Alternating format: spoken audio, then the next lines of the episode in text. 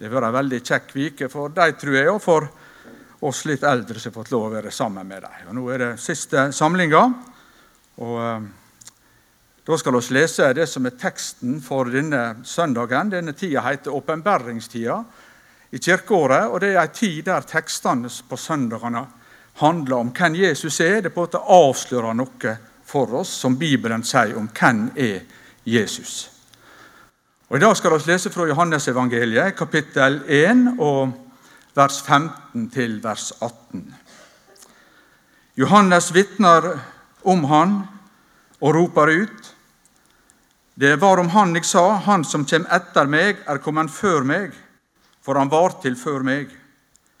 Av hans overflod har vi alle fått til nåde over nåde. For lova ble gjeven ved Moses, nåden og sanninga kom ved Jesus Kristus. Ingen har noen gang sett Gud, men den enbårne som er Gud, og som er i fanget til Far, han har synt oss hvem han er. Kjære Jesus, takk at vi skal få be til deg. Takk at vi får lov til å lese ordet ditt og ordet om deg. Og Nå ber jeg om at du må tale inn i våre sine liv, inn i våre sine hjerter, og at ordet som oss hører, blir til velsignelse og til vekst for oss. Amen. De første 18 versene i Johannesevangeliet blir kalt for Johannesprologen. Og også les de fire siste versene av dette avsnittet. Og Det er et viktig avsnitt i Guds ord, veldig innholdsmetta. Og det handler om at Han som er Gud ifra evighet av, han blir menneske, og han stiger inn i vår sin vær.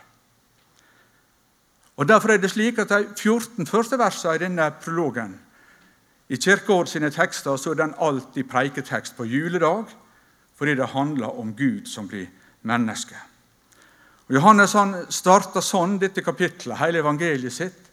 Han sier at i opphavet, altså i begynnelsen, da var Ordet. sier han. Helt i starten, før noe annet. Og så sier han at dette ordet det var hos Gud. Og så går han videre og sier at dette ordet det, det var Gud. Og så ble dette til Han. Han var hos Gud. Og videre i Han var liv. Og dette livet det var lyset for mennesker. Og så skriver han i vers 9 da er det som lysstrålen kommer rett på oss. Det sanne lyset som lyser for hvert menneske, kom nå til verden, skriver han. Og hvordan skjedde det, da? Ordet han som er Gud og er hos Gud, lyset som skinner fra mennesker, det kom nå til verden. Hvordan skjer det? Som en voldsom lysstråle som blir sett på kloder eller på oss? Eller en sånn stor glans kanskje som skiner rundt alle? Kanskje som en følelse som mennesker får i livet sitt? Eller at han setter seg i en spesiell stemning? Et eller annet sånt. Så skriver han i vers 14 ikke sånn. Og ordet ble menneske og tok bostad mellom oss. Og vi så hans herligdom. En herligdom som den enbårne sønnen har fra far sin, full av nåde og sanning. Ordet som var fra begynnelsen, han som var hos Gud, og som var Gud, så står det, ble menneske og tok bolig mellom oss så sier Johannes med dette at ordet Gud, nå er han her. Nå er han hos oss, like inn på våre sine liv. Og så herligdommen hans, sier Johannes. Og så herligdommen hans. Han vitner om det. Og så tenker jeg, ja, hva så de da? Når de så herligdommen hans, hva i verden var det de så? Og Ordet ble menneske og tok bostad hos oss og så herligdommen hans. Den skotske teologen, tror jeg han er, William Barclay, han sier en plass det at hele resten av Johannes-evangeliet bruker Johannes til å forklare dette verset om ordet som ble menneske og tok bolig hos oss, og så den herligdommen som vi så i møte med Jesus. Det var ikke mye ved Jesus som kunne minne om Guds makt og herligdom og den store lysglansen som er rundt Gud. Det var ikke mye av jordeliv som kunne minne om det på en måte. For Jesu liv, hvis vi tenker på det, det var innramma av krybba på ene sida og korset på andre sida. Det var rammen om Jesu liv her på jorda. Så sier Johannes og så herligdommen hans. Herligdommen den var skjult i Jesu skikkelse. Den var skjult i fornedrelse og det som så ringt ut. Den var ikke uten videre synlig for alle mennesker. Og så var det på en måte det, det som folk måtte støtte seg på jord, at Jesus han er jo ingenting. Er det noe å bry seg med han? Og Sånn tenker folk i dag også. Jesus? Nei. Hvem er det? Er det noe, da? Og slik tenkte folk også på Jesus i tid. Og så støtter de seg på Jesus. Nei, dette er ingenting. Men så står Johannes der og sier, og så herligdommen hans. Og så det. Og så erfarte det. Og her begynner teksten vår, som oss la oss fra vers 15. Og så er det, må ikke oss gå i, i ball med Johannesene her, for her er to Johanneser. Han Johannes det er han som skriver. Han var disippel av Jesus. Men før det så var han disippel av en kar som heter Johannes. Så Johannes var disippel til Johannes. Forstår dere? Ja. Og Det var Johannes døperen. Og Han kom før Jesus. Og Så skriver Johannes, altså disippelen, at Johannes døperen han sto og ropte. Du kan gå og se det for dere. Det var før. De har ikke sånn mikrofon så jeg fikk stilt opp her, og ikke høyttalere.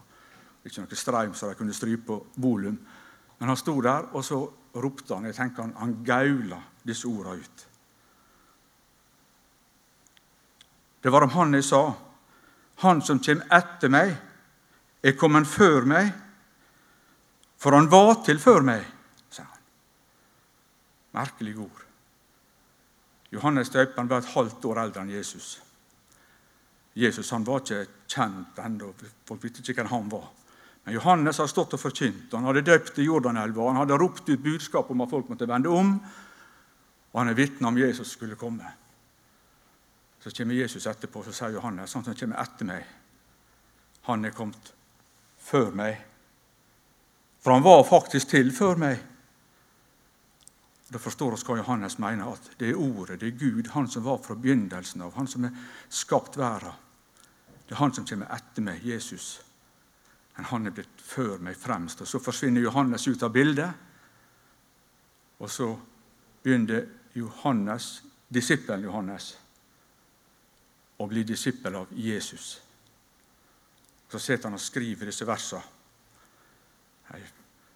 50-60 år etterpå om det han opplevde. Det er en enorm avstand mellom Jesus og Johannes i størrelse. Så forklarer Johannes hva som var sagt om dette her litt lenger ute i kapittelet, i vers 26 og vers 27. For Da kom de til Johannes døperen og spurte du Messias, du som står her og forkynner. Det er vel noe stort, ikke sant? Men så svarer han nei, det er ikke, svarer han. Ja, Si oss da hvem du er, så skal han ha et svar til de som har sendt oss. Og så svarer han eh, med disse ordene. Jeg døyper dykk med vann, men midt imellom dykk står det en som de ikke kjenner. Han som kommer etter meg, og som jeg ikke er verdig til å løse skoreima til, sier Johannes. Det var slaven slavens oppgave å tjene Herren sin.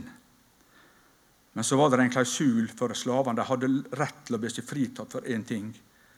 Og det var dette nedverdingen, å bøye seg ned og løse reima av sandalene rundt Herren sine skitne, svette føtter. Det, det, kunne ikke Herren kreve av dem.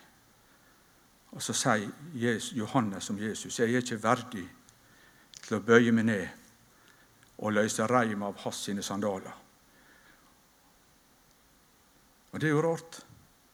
For Jesus sier om Johannes en plass at det er ikke noen som er større enn han. Av alle som er født av kvinner, så er Johannes den største. Så sier Johannes jeg er ikke verdig til å bøye meg ned og løse sandalen av Jesus sine føtter. En kjempeavstand i nivået mellom Johannes og Jesus som er Gud og kommer inn i vår vær. Og Likevel så er, så er han så nær. Ordet blir menneske og tar bolig hos oss. Kommer like inn på våre sine liv. Og så taler begge disse Johannesene om det. For nå er han her hos oss, sier Johannes.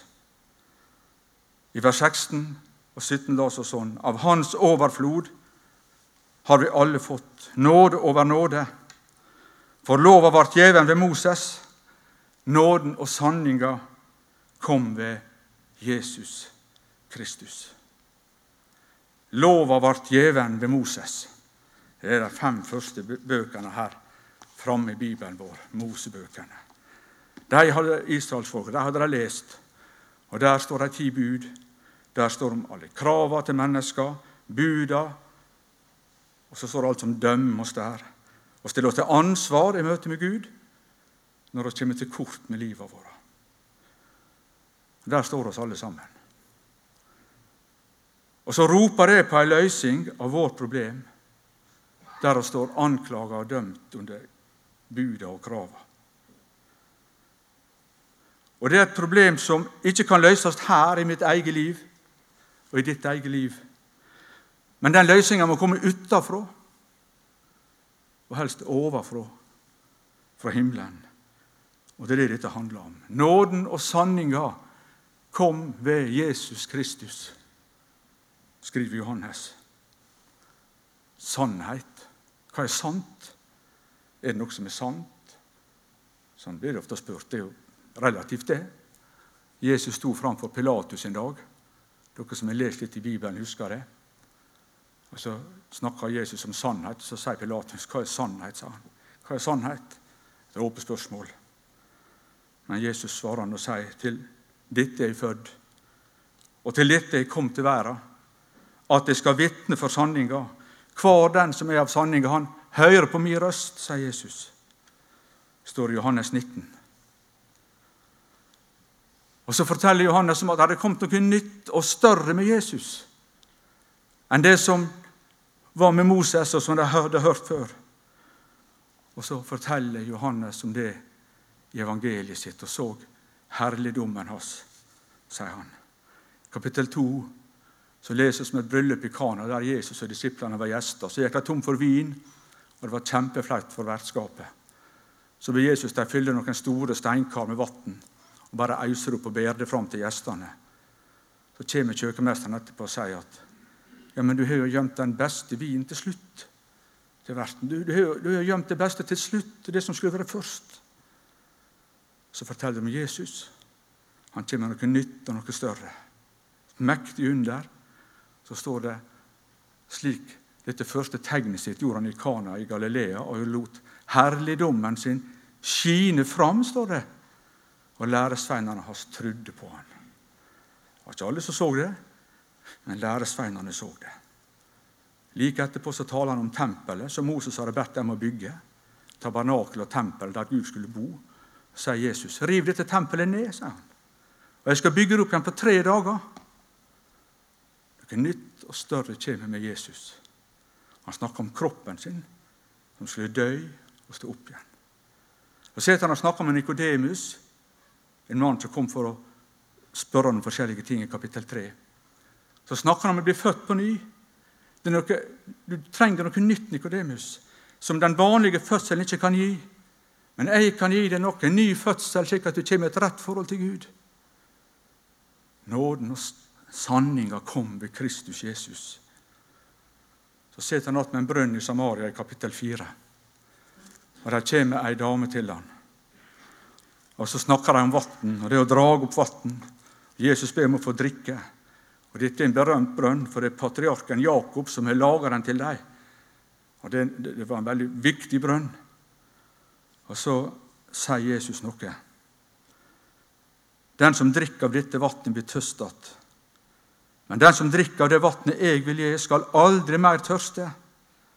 For det vannet jeg vil gi, blir til ei kjelde i Han med vann som bryter fram til evig liv. Jesus kommer med noe nytt, noe større, noe mer. Han avslører sannheten for oss om hvem Gud er, og hva Gud kan gi. Da kommer han til kapittel 6, og da ser de igjen noe av herligdommen hos disse disiplene. Da snakker de med jødene om mannen i øydemarka, dette brødet som, som Gud ga dem når de gikk på vandringa si. Et under. Og Så sier Jesus Moses ga ikke dere brød fra himmelen, sier han. Men far min gir dere det rette brødet fra himmelen. Så sier han, Jeg, sier han, er livsens brød. Den som kommer til meg, skal ikke hungre. Og den som tror på meg, skal aldri tyste. Det er ordet Gud som er blitt menneske og stiger inn i vår vær og sier det som bare Gud kan si, og avslører sannheten om Gud og om oss og hva nåden er for noe. En dag står han utenfor Lasarus' grav, en som var død, og søstera står der og i sorg. Og Jesus sier at broren skal stå opp igjen. Ja, jeg veit at han skal stå opp på den siste dagen, sier hun. Og så sier Jesus, 'Jeg er oppstått av livet.' 'Den som tror på meg, skal leve om han så dør.' 'Og hver den som lever og tror på meg, skal aldri everdø', sier han. Tror du det? Noe nytt og enormt større enn det de visste fra før. Og Så går han bort til Lasarus' grav, og så roper han 'Lasarus, kom ut'. Og så kommer han ut. Han kom, Gud, inn i vår vær med nåde og med sannhet. Så skriver Johannes i vers 18 i teksten vår Ingen har noen gang sett Gud, men den enbårne som er Gud, og som er i fanget til Far, han har synt oss hvem han er. Merkelig ord. Å kunne si det om Jesus. Han er Gud, sier han. Og han er i fanget til far, og han har vist oss hvem Gud er. I fanget til far bildet at han ligger helt opp til en annen sitt bryst. Tett, tett fellesskap. Jesus er i fanget til far. Ja, Men stemmer det, da? Han ligger jo på høy og strå i ei krybbe. Det er jo der han ligger i vår vær. Så sier Bibelen det er den samme som ligger i fanget til far, og som er Gud. Det er den samme. Og da møter oss Gud, og vi møter mennesket i Han som ligger i krybba. Og Så står han for Pilatus en dag med tornekrona ned i ei blødende panne. Spotta og håna. Alle ler av han. Og det er Gud og ser. Og På korset roper han disse nærmest uforståelige orda. Min Gud, min Gud, hvorfor har du forlatt meg? Og så er det Gud. Du ser, og Gud, du møter. Og På korset roper han det er fullført. Frelsesverket er ferdig. Og så dør han. Og det er Gud du ser og det er Gud du møter, og mennesket Jesus Kristus. Det er Han som frelser deg fra dommen og straffen under Moses. Og Nå kom Moses også med lys. Det var, det var frelse i Det gamle testamentet. og Det var mye som pekte framover hos Moses. Det er sant. Men her kommer det som virkelig alt pekte fram imot. Og Så er det tre dager etterpå da står det ei dame som heter Maria. Hun står utenfor ei tom grav, og Jesus er vekke. Hun forstår ikke sammenhengen. Og så er det ei stemme like ved sida av henne som sier, 'Maria, eller hvem leiter du etter?' 'Hvem ser du etter?' Ser hun han står der. De har tatt Herren min bort, sier jeg. vet ikke hvor de har lagt han hen. Og så sa han disse ordene bare til henne. 'Maria', sa han. 'Maria'. Og så forstår hun at det er Jesus. Rabbi, min Herre, min Gud. Hvem ser du der? Jo, du ser Gud. Og du ser mennesket Jesus Kristus.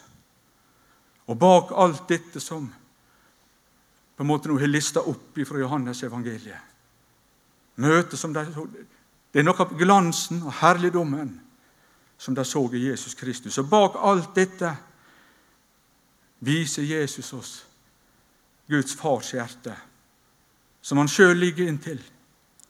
Et hjerte som banker i kjærleik til mennesker som han har mist, og som er kommet bort fra han, og som han elsker tilbake igjen til seg. Så sier han disse ordene til Maria når hun står der. Han som ligger i fanget til far.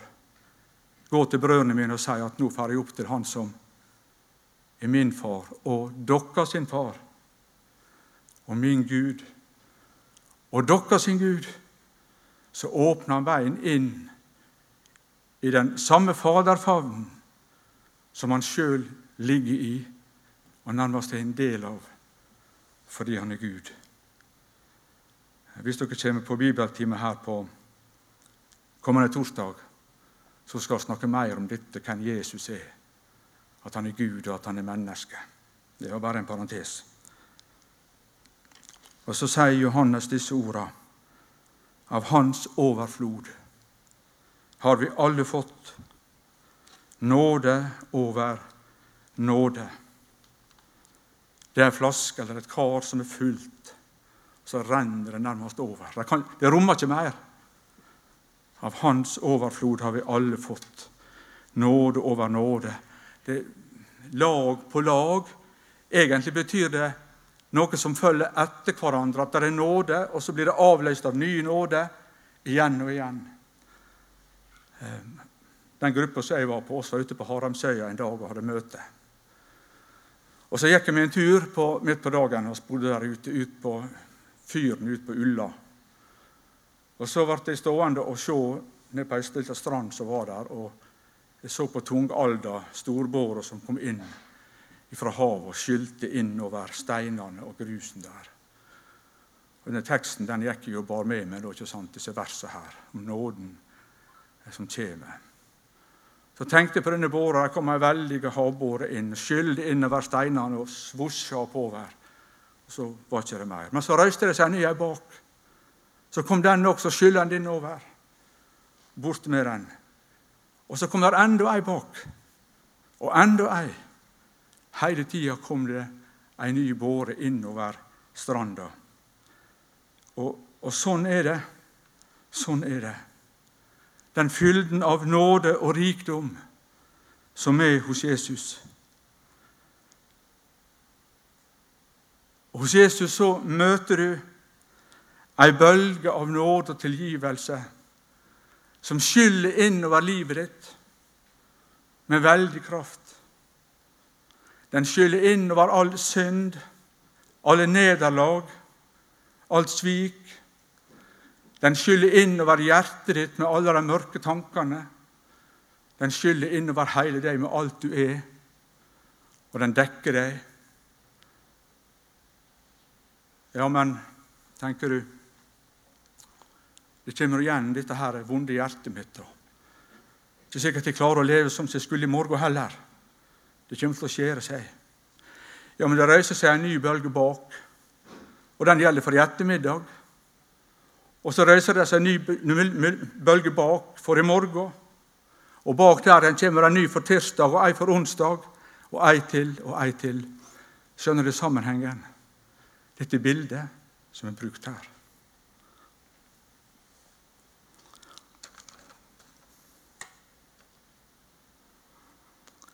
Det er nåde over nåde i livet vårt hver dag.